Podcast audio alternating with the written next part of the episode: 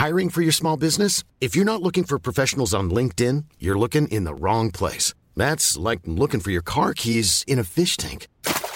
LinkedIn helps you hire professionals you can't find anywhere else, even those who aren't actively searching for a new job but might be open to the perfect role. In a given month, over 70% of LinkedIn users don't even visit other leading job sites. So start looking in the right place. With LinkedIn, you can hire professionals like a professional. Post your free job on linkedin.com slash people today. Hey there, it's Michelle Norris. I'm host of a podcast called Your Mama's Kitchen. When I travel, I'm usually looking for a way to find a taste of home when I'm not at home. And one of the things I love to do when I am at home is entertain. And Airbnb allows me to do that. When I was in California recently, I rented a house that had a great kitchen. And when we were sitting around the table, we we're all thinking, we're in someone else's house. Someone could be in all of our homes as well. If you have a home, but you're not always at home, you have an Airbnb. Your home might be worth more than you think. Find out how much at airbnb.com/slash host.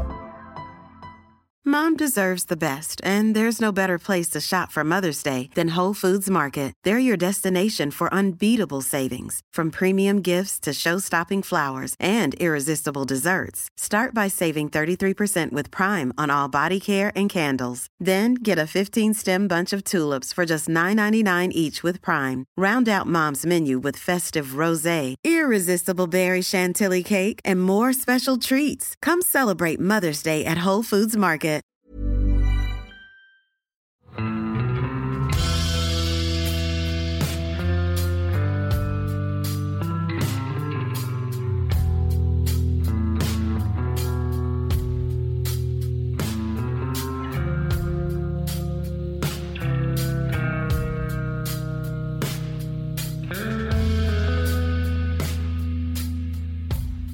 Hei og velkommen til en sommerepisode av podkasten Uteliv. Dagens episodetema er sporløs ferdsel, og dagens gjest er Anne van der Wist, ansvarlig for barn og ungdom i tur- og kursavdelinga i Trondheims turistforening. Velkommen. Takk for det. Eh, traff jeg helt på etternavnet? Det er sånn de fleste nordmenn uttaler det. På Ja. nederlandsk er det Weist. Det er Weist, ja. Ja. Ok, Jeg har faktisk bodd noen måneder i Nederland, men, eh, men språket fikk jeg aldri helt dreisen på. Nei vel, kanskje ikke helt naturen heller. Nei, det er jo litt eh, natur. eh, Jeg har folk som jeg kjenner som bor der fortsatt, og du har noen sånne områder så vidt jeg forstår, som ikke er så berørt som de andre.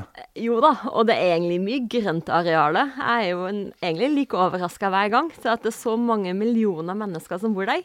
Hvor mye grønt og landbruk det faktisk er. Mm. Men eh, det er ikke det samme som norsk fjell og natur, da. Så Nei. nei. Og når vi snakker om på en måte urørt natur som i dag, så er det kanskje eh, altså, mindre av det. Ja, jeg syns det er ganske lite, av det i Norge òg. Så i Nederland tror jeg det er ganske tett på null.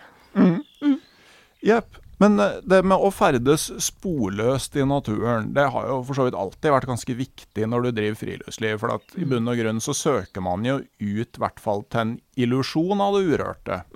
Eh, og da er det jo litt viktig at den uh, følelsen fortsatt er der når du, når du drar igjen. Men jeg tenker at det har kanskje blitt enda viktigere bare i løpet av de par-tre siste årene. Absolutt. Eh, før hen så var det kanskje ikke så mange ute i forhold til området vi spredde oss på. Og hvis vi synda litt og ikke var så flinke, så var det ikke så farlig. For det var ikke så mange som oppdaga det i etterkant. Men eh, heldigvis, da vil jeg påstå, så er det flere og flere som har oppdaga hvor fint det er i Norge. Eh, og nå med sosiale medier så har vi en tendens til å samle oss på noen få plasser. Og da er det superviktig at vi eh, ikke bare tenker allemannsretten, men eh, også allemannspliktene. Det er ingen som skal se at vi har vært her. Nei.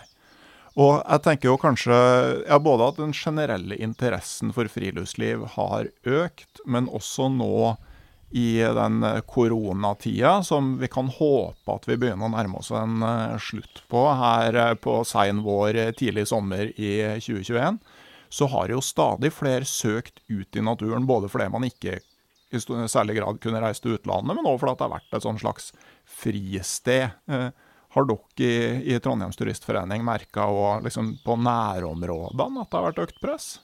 Ja, og da har vi sett over flere år nå, men særlig det siste året, at det er stier som er overbelasta, som går i oppløsning. At det er visse plasser man skal holde seg på stien, for alle andre har gått på do eh, rundt omkring i skogen. Det er mange som eh, kanskje ikke helt skjønner at eh, det er ikke utømmelig med tøykvist ute i de nærmeste områdene eh, her i Trondheim. Eh, å hogge ned hele levende tre, det blir ikke noe bål av det, altså. Men det blir eh, stygge sår i landskapet i etterkant. Ja. Nei, for det er jo litt òg, ikke sant, når, eh, når veldig mange oppdager gleden ved å være ute, så blir det jo òg veldig mange måte, nye uh, turfolk som uh, ikke helt vet hvordan man gjør ting, tenker jeg. Og at informasjonsbehovet blir ganske stort, og samtidig at måten som man ser noen gjør det på i et blad eller på et TV-program, når man er langt, langt, langt innpå på plasser hvor det kanskje bare ferdes to personer hvert år, det har ikke samme gyldighet når du er tett på folk. Nei da, vi har jo alle hørt om tøykvist, men prøv å gå utfor stien eh, i et populært område. Det fins jo ikke tøykvist. Og i hvert fall ikke i Nårberg høyde. Da må du begynne å ha med slynger og komme høyt opp i trærne. Og da er det med Hva gjør man da? Hvert fall hvis man ikke er så vant til å være ute, og kanskje har med god bålmat, men har laga en forventning og en stemning at 'nå skal vi til kurs oss, dere'. Da må man jo lage en plan B eller C eller D. Mm. Eh, det er kanskje fint om folk eh, hadde undersøkt litt på forhånd. Hva er det egentlig vi kan forvente oss når vi kommer ut? Mm.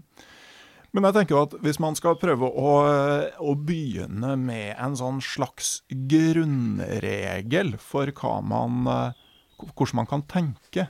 Mm. Så tenker jeg at hver gang du setter i gang og skal gjøre et eller annet i naturen Hvis du liksom tar fem sekunder og tenker Hvordan blir det her hvis alle som kommer til det stedet her i løpet av eh, de neste månedene, gjør akkurat det samme som meg? Mm. Eller kanskje tenke enda lenger. Hvordan skal jeg sikre at ingen ser at jeg har vært her? Mm. Lat som om det er på rømmen eller på noe, et eller annet du ikke skulle ha gjort. Hvordan kan du sikre at du ikke etterlater deg spor? Mm. Det, er jo, det, er jo, en fin tanke. Og så tenker jeg jo da at altså, en del ting Vi skal innom Det blir liksom fire hovedting. da, Bålfyring og vedsanking. Dobesøk og dopapir. Eh, forsøpling. Og slitasje. Og, og det ideelle er jo på et vis at du, ingen ser at du har vært der. Men samtidig, eller at ingen kan se at du har vært der. Men jeg tenker jo samtidig at hvis jeg på sommeren er midt inne i den mest utilgjengelige delen av Øvre Anárjohka nasjonalpark, så vet jeg at her er det med stor sannsynlighet bare jeg som kommer til å være den her sommeren. Du og, og myggen? ja, og jeg gjør da Altså, jeg brenner jo, eller prøver å kvitte meg med dopapiret, mm. men akkurat hvilket dosted jeg velger, kan jeg nok være eh, litt mindre nøye med enn når jeg er på tur i Estenstadmarka eh, rett bak huset ved en eh, by med 150 000 innbyggere. Sånn at jeg tenker at det, er lov å Altså, man, man kan Altså, reglene er ikke nødvendigvis entydige overalt. Uh, det er jo ingen av reglene. Verken bålreglene vi har nå, eller ferdselsreglene. Alt må Altså, bruk skjønn på alt. Hmm. Um, ja. Men, uh, men, å være mer nøye og mer restriktiv, jo flere som bruker et område, tenker jeg altså er du i markaområdene rundt de største byene, så kan man si at omtrent kriminalteknikere skal kunne komme inn uten å finne ut at du har vært der. Mm. Og så er det noe med å lage seg gode vaner. Altså, der har egentlig ikke vi nordmenn vært særlig flinke. Jeg har jo måttet jobbe mye med meg sjøl for å bli bedre, fordi man var vant til å bare rusle litt ut i skauen og gå på do. Det var jo sånn man gjorde, ikke sant? Og man har kanskje ferdes mange plasser hvor det ikke er så mye folk. Mm. Um, men det ferdes flere og flere folk, og selv om du er langt borte, hvis du har muligheten til å ferdes sporløst, så gjør det til en god vane. Så er det så mye enklere å opprettholde det tett på byene også. Det er et veldig godt poeng. Uh, jeg tenker Før vi går på de eh, punktene her, så er det jo greit først der å huske på at det finnes områder i Norge som har strengere vern og strengere regler enn andre. For det er jo en del sånn generelle regler som styrer friluftslivet. Men så har du landskapsvernområder, nasjonalparker og ikke minst naturreservat, som kan ha ganske mye strengere regler. Det, det kan være forbudt å fjerne alt av planter. Det kan være forbudt å ligge i telt på visse deler av året. Ikke sant? Forbudt å ferdes, faktisk, på noen få. Ja, og spesielt, altså, jeg tenker spesielt våtmarksområder og naturreservat. Da skal du være veldig obs. Uh, og det der hører jo til planlegging av turen.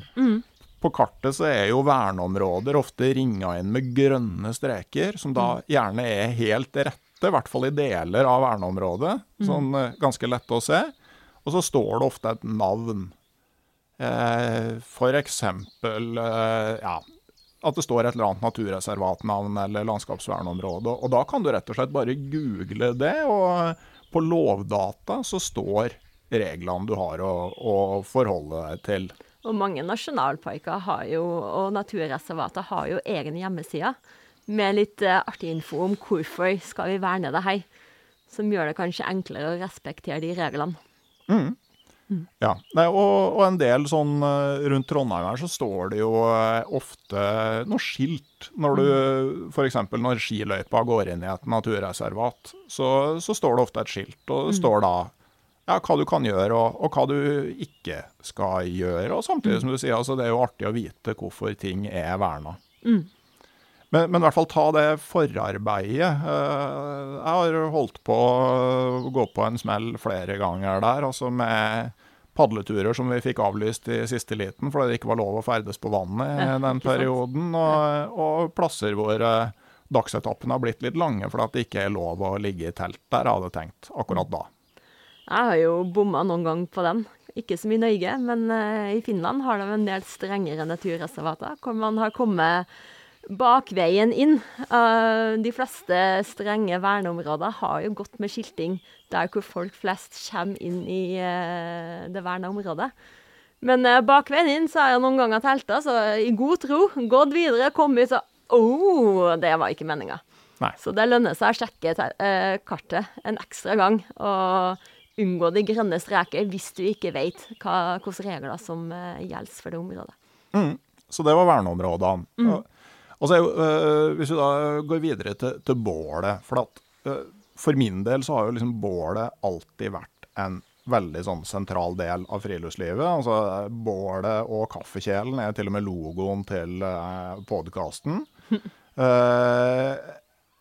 men jeg må innrømme at liksom, i det siste så har jeg blitt mer og mer i tvil om hvilken plass bålet egentlig har i dagens og framtidas friluftsliv. Ferske opplevelser nå øh, fra, gått fra Saksvikvollen her i Trondheim, hvor du kommer inn i et naturreservat. Og jeg oppdaga at i løpet av siste vinter altså det er bålplasser overalt. Og det er høgd tørrfurør mm. midt i naturreservatet. Samme opplevelsen i Simskaret i Børgefjell på vei ned fra tur. Tenkte vi skulle sove en natt under åpen himmel og ha et lite kvistbål. Lette etter en bålplass som var brukt før, og det fant vi. Men vi fant jo to nyhøgde tørrfurur der òg. Og det er jo eh, Jeg vil i hvert fall si at jeg skal ikke tenne på den. Nei.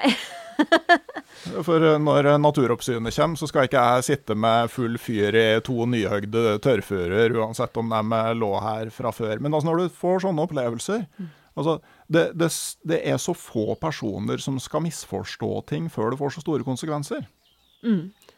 Og så er det Jo, bål er kos. Absolutt. Jeg har tent masse bål sjøl og har masse gode minner fra gode bålstunder. Men bål er ikke eh, det samme som det her er en vellykka tur. Det, du får mange gode opplevelser uten bål også.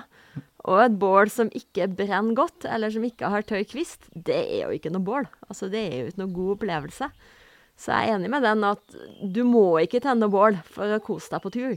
Men du kan gjøre mye annet gøy som ikke etterlater deg like mye spor. Eh, Og så tenker jeg også det at hvis man eh, Altså En ting er jo at det er et sånn universelt bålforbud fra 15.4 til 15.9, men, men det er jo ikke absolutt.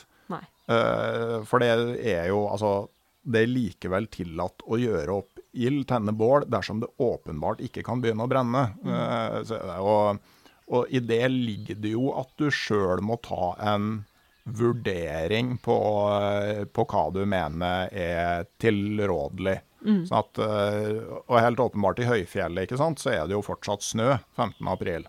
Mm. Så, eh, men, eh, men jeg tenker jo at hovedregelen må jo være å fyre så små bål som mulig, hvis man først skal tenne.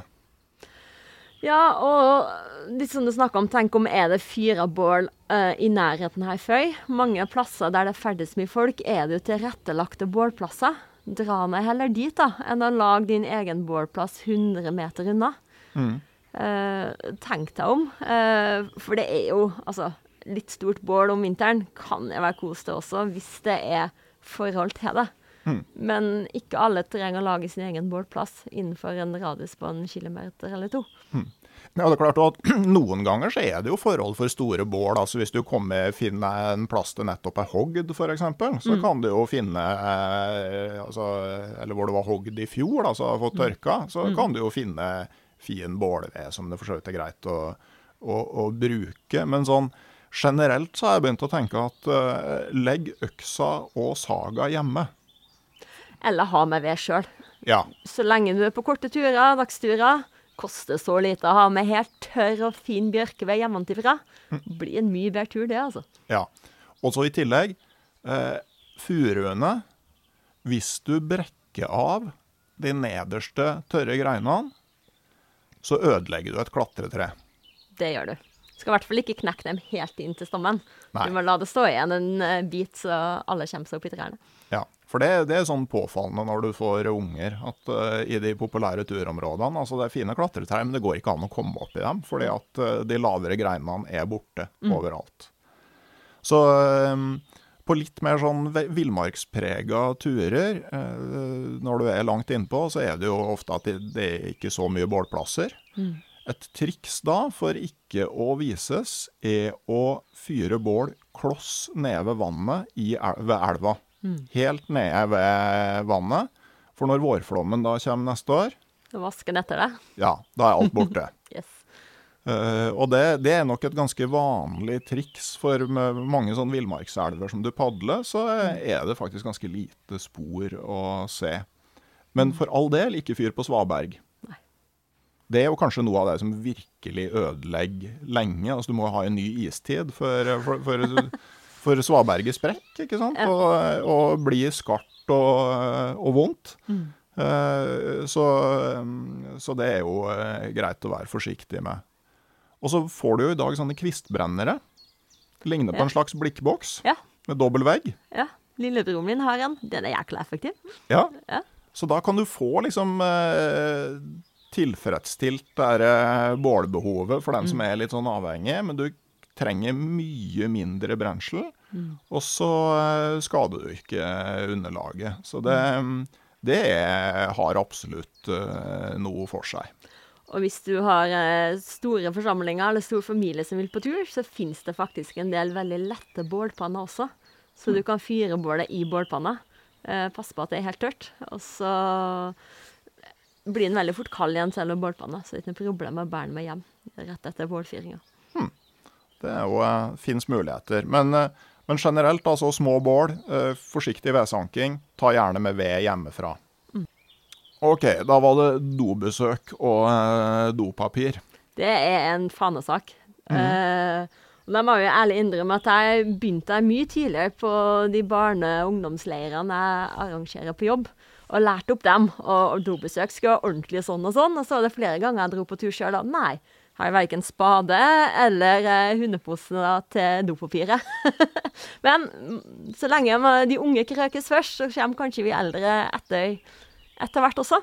Ja, altså, de, de er jo vant til det fra start, og jeg tenker sånn Vi har vært en del på tur med andre familier og sånn, og så du kan jo ha med en, øh, liksom en øh, handlepose i plast som du fester i et, på en, en grein i et tre, og så har du liksom ett dosted. og tar vare på papiret der, hvis det da ikke er sånn at du kan brenne det Har du prøvd det?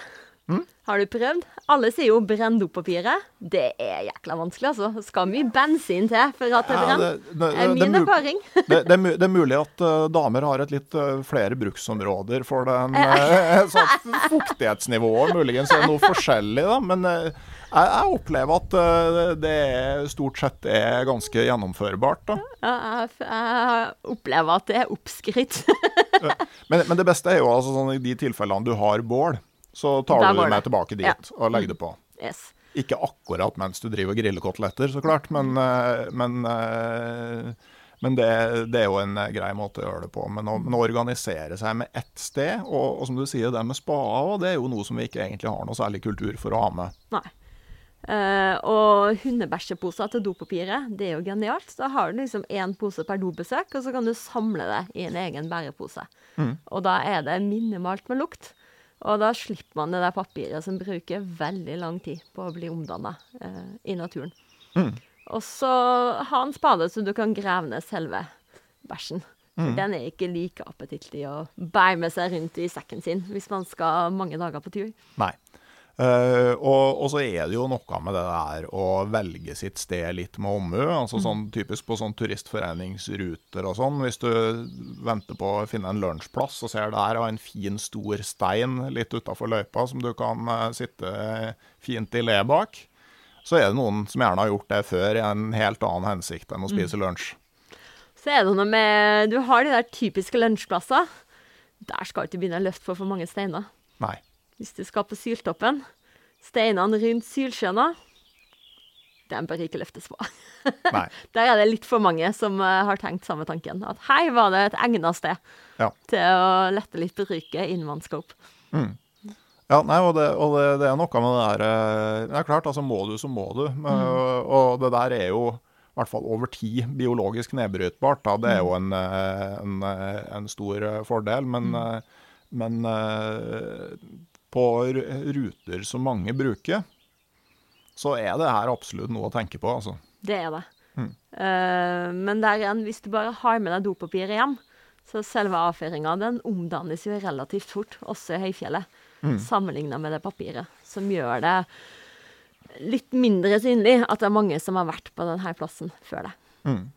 Vet du hvordan Roald Amundsen tømte utedoen på Framheim? Nei. Han eh, gravde en kanal inn så bikkjene kunne gå inn og spise.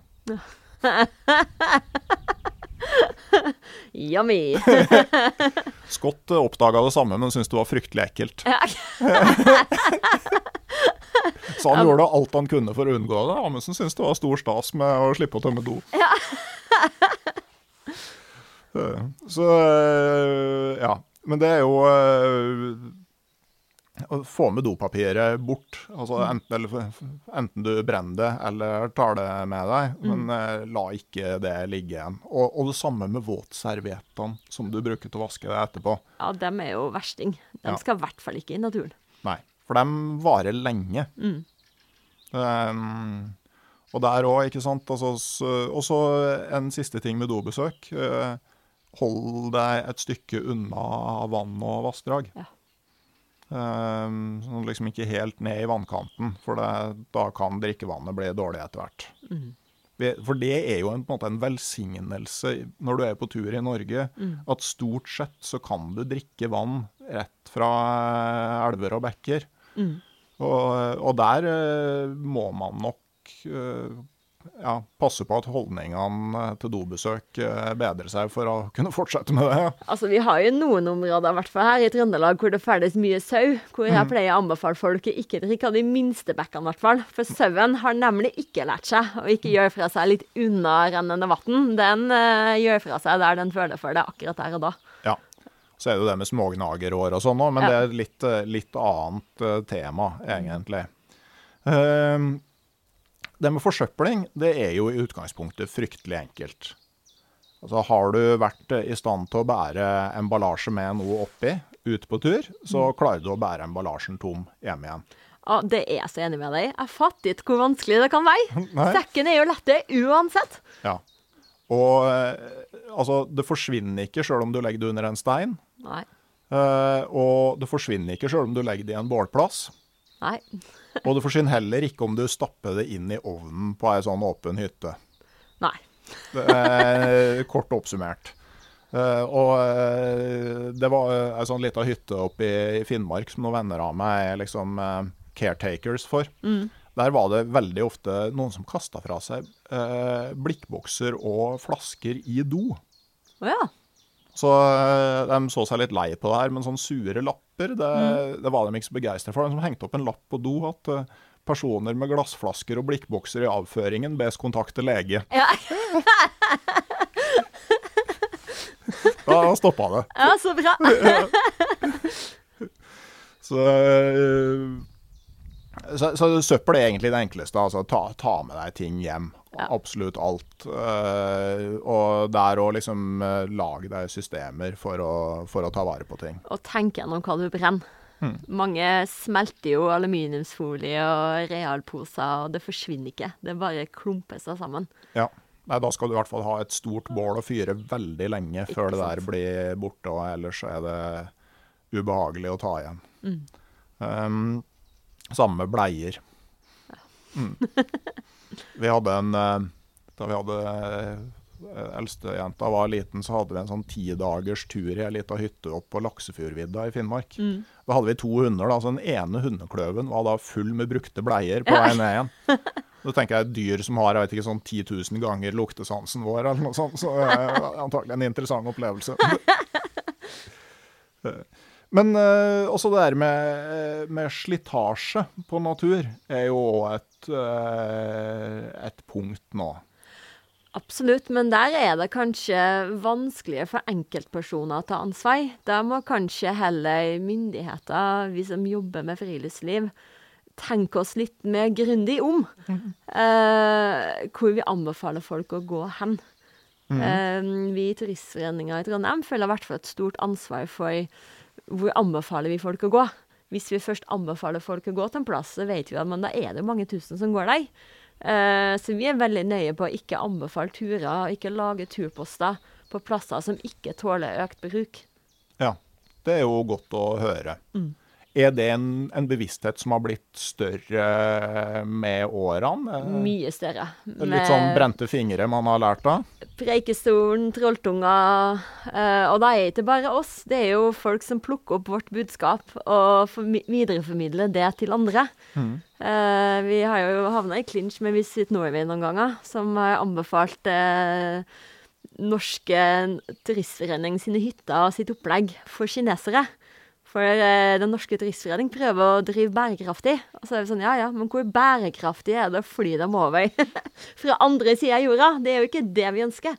Nei. Det, det, det, er jo på en måte det økoturismebegrepet kan man jo diskutere mye rundt akkurat der. da. Mm. sett liksom at det er kjempefint at det var liksom kollektivtransport fram til eh, sted og sånn, men at de fleste da hadde flydd halve jorda rundt før de satte seg på den bussen, var liksom ikke en del av uh... Ikke like bra PR, det, vet du. Nei. Nei. Nei, så, og det er jo litt sånn eh, En del naturtyper blir jo veldig fort uh, merka ferdsel. Altså sånn typisk mm. skogbunn med lav og, mm. og, Så det går an å prøve, i hvert fall, å Eh, velge leirplass og litt med omhu. Mm. At uh, altså gras og sånn er, er, mer robust enn lyng og lav. Mm. Ja. Det, um, kan jo se, bare man har ligget der eh, noen personer ei helg, så, så, begynner det faktisk å bli spor. Det gjør det. Mm. Så, og så er det jo litt sånn herre Altså, alt må ikke plukkes. Veldig enig. Mm. Uh, jeg har jo nederlandske foreldre, og min far han gremmer sånn over norske unger. De plukker jo alt! Det er jo ikke lov å plukke blomster! så jeg er vokst opp med at ting skal være i naturen. Man kan se på det, man kan ta bilder av det, men man trenger ikke å ha det med hjem. Nei. Eh, det, det, er jo for så vidt greit. Altså, jeg klarer jo ikke å si nei alltid til, til blomsterplukking. Men eh, det er tider og steder for det. Og alt med måte. Ja. Og finner man en sjelden og ikke det, eller en uh, blåveis på en plass der det mest er hvitveis, mm. la nå de sjeldne blomster stå. Ja. Det blir ikke flere av dem hvis alle blir plukka med hjem. Nei, det, det er sikkert. Så, Og så er det jo det òg med litt sånn eh, forsiktig ferdsel, spesielt sånn ja, i vårløsning og når, mm. når bakken er våt. Eller her i Trøndelag, hvis vi akkurat har hatt eh, regnvær en uke eller to, da tåler naturen mye mindre enn hvis det har vært tørt og fint den siste uka. Ja. Og det handler jo litt om å av og til å bare bite i det sure eplet og bli våt på beina, i stedet for stadig å lage en breiere sti. Mm, Mm. Og så er det der med å bygge varder. Ja. Det trenger man jo kanskje ikke å gjøre. Nei. Eller flytte steiner. Altså, ha meg heller med ekstra sjokolade i sekken enn å bære den der steinen til toppen av fjellet. Mener jeg, da. Ja, og kanskje òg litt sånn når du har slått leir og flytta på litt stein for å bruke til barduner og på stormmatter og sånne ting, så kan du flytte det tilbake igjen etterpå. Det er jo en smålsak, det. Sånn at uh, man slipper de ringene overalt som da Altså, det er jo ikke noe sånn voldsom skade, men du ødelegger jo den illusjonen at du er det første mennesket som kommer akkurat hit. Det gjør du absolutt. Eh, ja, for, for alt det her er jo liksom sånn en del av den problemstillinga med sånn hva skjer når veldig mange bruker de samme plassene. Ja, det er et skikkelig dilemma. Jeg jobber jo med å få flere og flere ut på tur. Det er jo vår målsetning. Men vi ser jo også de konsekvensene det kan gi. Så det er noe med hvordan skal man nå mange, og samtidig nå dem med budskapet om fornuftig ferdsel. Tur etter evne. Og altså, turen blir ikke bedre av å gå der alle andre tråkker i en gjørmesti og ødelagt natur. Det er om å gjøre å spre oss og gi så mange som mulig gode opplevelser i tilnærmelsesvis urørt natur. Ja. Nei, det, og liksom der, eh, det er jo lett å liksom eh, bli sånn speider på steroider og begynne å bygge masse ting. Og det òg er det jo en tid og en sted for, et sted for å gjøre, og andre tider og steder gjør man det ikke. Sånn skrekkeksempel var noen som felte to furuer og bygde bru over Røa i Femundsmarka. Nei! De hadde seg vel en interessant helg, dem. Eh, Visstnok, da, jeg har ikke sett det her sjøl, men visstnok så dokumenterte de det og la det ut på YouTube. Yes. Så eh, jeg, jeg, ikke, jeg er ikke helt sikker på at det her er sant, men eh, det ville ikke overraske meg.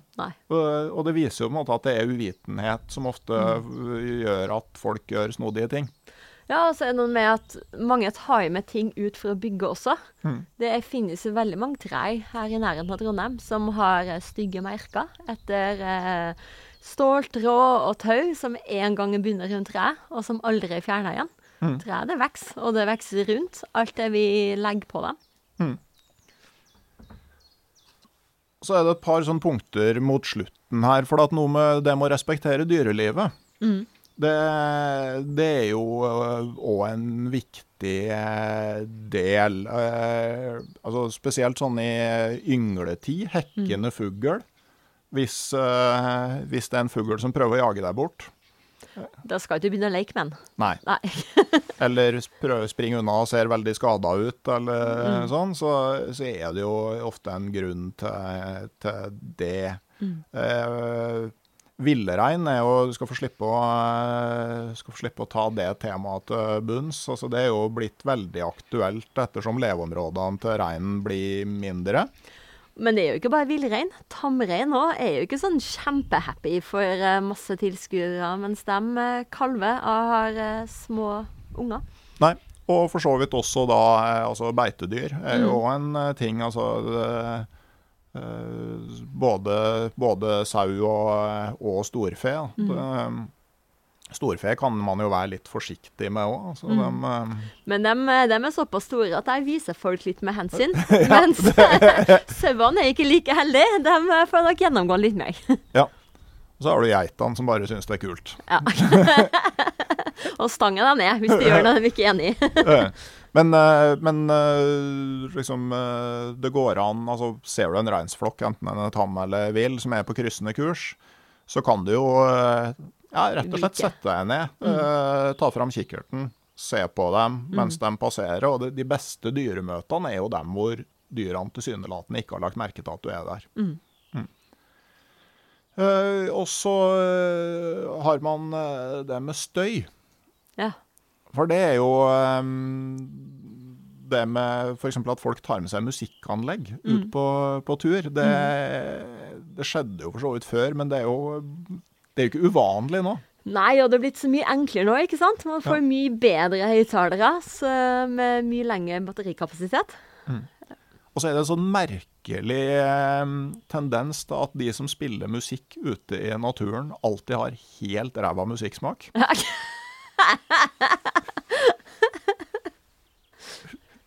Nei, det fins nok verre enn det meste det jeg hører på tur, altså. Hver sin smak, det. Så, og, og det der gjelder jo for så vidt òg det med å fly drone. Ja. Men der har det jo kommet mange regler i det siste. Nå er det ikke fritt fram lenger, Nei. og det er bra. Ja, så det har du drone og skal bruke den, så sett deg inn i det. Og spesielt i verneområder så er det jo ofte ganske strengt.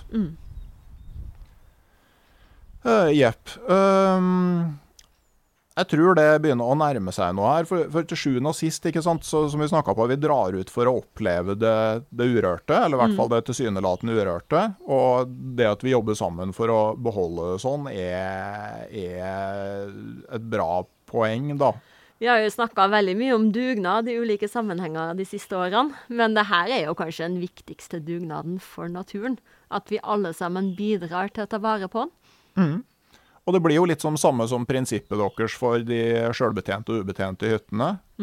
Altså etterlate som du ønsker å finne det, og minst i like god stand som du fant det. Ikke sant? Helst litt bedre. Ja, for at det, det og, måtte, man kan, Det er lov å irritere seg over at andre legger igjen søppel, men du kan jo også da rett og slett ta det med hjem. Ja. Eh, har noen begynt å lage tre nye bålplasser rundt den eksisterende, så kan du rett og slett fjerne restene etter det og legge det inn på den ene bålplassen. Så unngår du liksom at det, at det sementerer seg. Eh, så, så det er liksom eh, Man, man kan bidra litt uh, i så uh, måte. Og der føler jeg at de yngre generasjonene, de er flinke. Det her har de inn under huden. Det her har de vokst opp med. Her går de eh, fram som et godt forbilde, som eh, vi andre litt eldre dødelige må prøve å henge oss på, rett og slett. Ja, jeg må innrømme det at ungene mine de ser Planetpatruljen på NRK Super, og eh, jeg blir rettesatt fra tid til annen. da. Ikke bare her å komme og brenne karamellpapiret. Det- Nei, ikke sant? Sånn. øh, nei, men da, da tror jeg vi har vært gjennom det meste. Kommer du på noe vi har glemt, Anne? Nei, altså Nei. Må huske å kose seg på tur òg. Nå har det vært veldig mye alvorsprat. Ja, det Som om det, det går til helvete med naturen. Det gjør jo ikke det. Og mange er jo flinke. Men øh, hvis enda flere tar i et øh, ekstra tak, så tror jeg det her blir bra. Og det er et viktig poeng. altså. De fleste er veldig flinke. Og mm. det er bare det at det vises så utrolig godt, de få personene som ikke er det. Den, øh, det var vel sånn i Østmarka i Oslo nå at det er sånn der øh, legendarisk furu plutselig var hogd ned. Oi. Det, og det, det hjelper ikke at det liksom er én av 10 000 som finner på noe sånt, for det, det vises så godt. Men, eh, men kos dere for all del ute. Eh, tusen takk for at du eh, ville komme og opplyse oss. Takk for meg. Ja. Og tusen takk til dere som eh, er en del av podkasten Utelivs digitale turlag på Patrion. Der er det godt over 200 personer som støtter produksjonen av podkasten økonomisk, og samtidig får mulighet til å påvirke både temaer som podkasten skal tas opp, hvem som skal komme og være gjest, og hvilke spørsmål som skal stilles. Og Denne episoden her er et veldig godt eksempel på det. Eh, Episodetemaet kom opp fra en av følgerne, og jeg har fått veldig mye bra innspill fra de som følger podkasten på Patrion. Og det hadde vært supert om noen flere fant veien inn dit i løpet av eh, sommeren. Eh, det har mye å si for produksjonen. Og det er òg sånn at i sommer, hvis du registrerer deg som langturkompis eller ekspedisjonsmaker, så får du faktisk en veldig praktisk liten lommekniv, som er så liten at du ikke herper skog i særlig grad om du bruker den til å sanke bål ved. Eh, Så det hadde vært hyggelig om noen flere registrerte seg der. Uansett så får dere ha en god tursommer videre. Sette færrest mulig spor i naturen på deres vei. Så kommer det en ny episode av podkasten Uteliv om to uker nå i sommer, før vi til høsten er tilbake med ukentlige episoder. Ha det bra!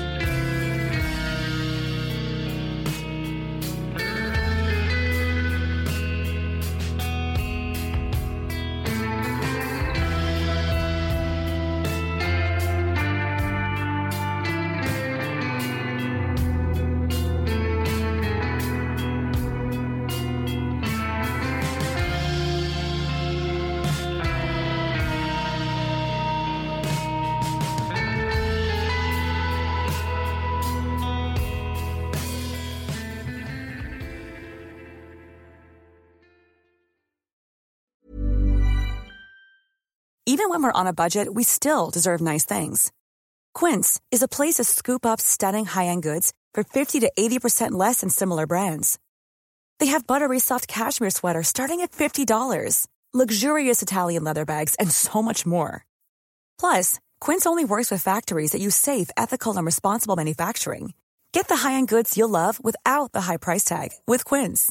Go to quince.com slash style for free shipping and 365-day returns. Mom deserves the best, and there's no better place to shop for Mother's Day than Whole Foods Market. They're your destination for unbeatable savings, from premium gifts to show-stopping flowers and irresistible desserts. Start by saving 33% with Prime on all body care and candles. Then get a 15-stem bunch of tulips for just $9.99 each with Prime. Round out Mom's menu with festive rosé, irresistible berry chantilly cake, and more special treats. Come celebrate Mother's Day at Whole Foods Market. Hei, jeg heter Nore Helligsen og er daglig leder i Barents Outdoor. Det beste vi kan gjøre for planeten, er å redusere forbruket vårt og få mer ut av det utstyret vi allerede har. Men vi vet av erfaring at bruken av telt kan endre seg over tid. Det teltet du kjøpte for to år siden, passer kanskje ikke det behovet du har i dag. Derfor har vi i Barents etablert en egen panteordning der vi tar imot brukte telt av god kvalitet i innbytte når du kjøper et nytt av oss. Prosessen er enkel. På barentsoutdoor.no gir du oss informasjon om teltet du vil bytte inn. Basert på det får du et tilbud fra oss som gir deg rabatt på ditt neste Barentsprodukt. Mer info og betingelser finner du på barentsoutdoor.no. Og husk at den første reparasjonen på produkter fra Barents er alltid gratis.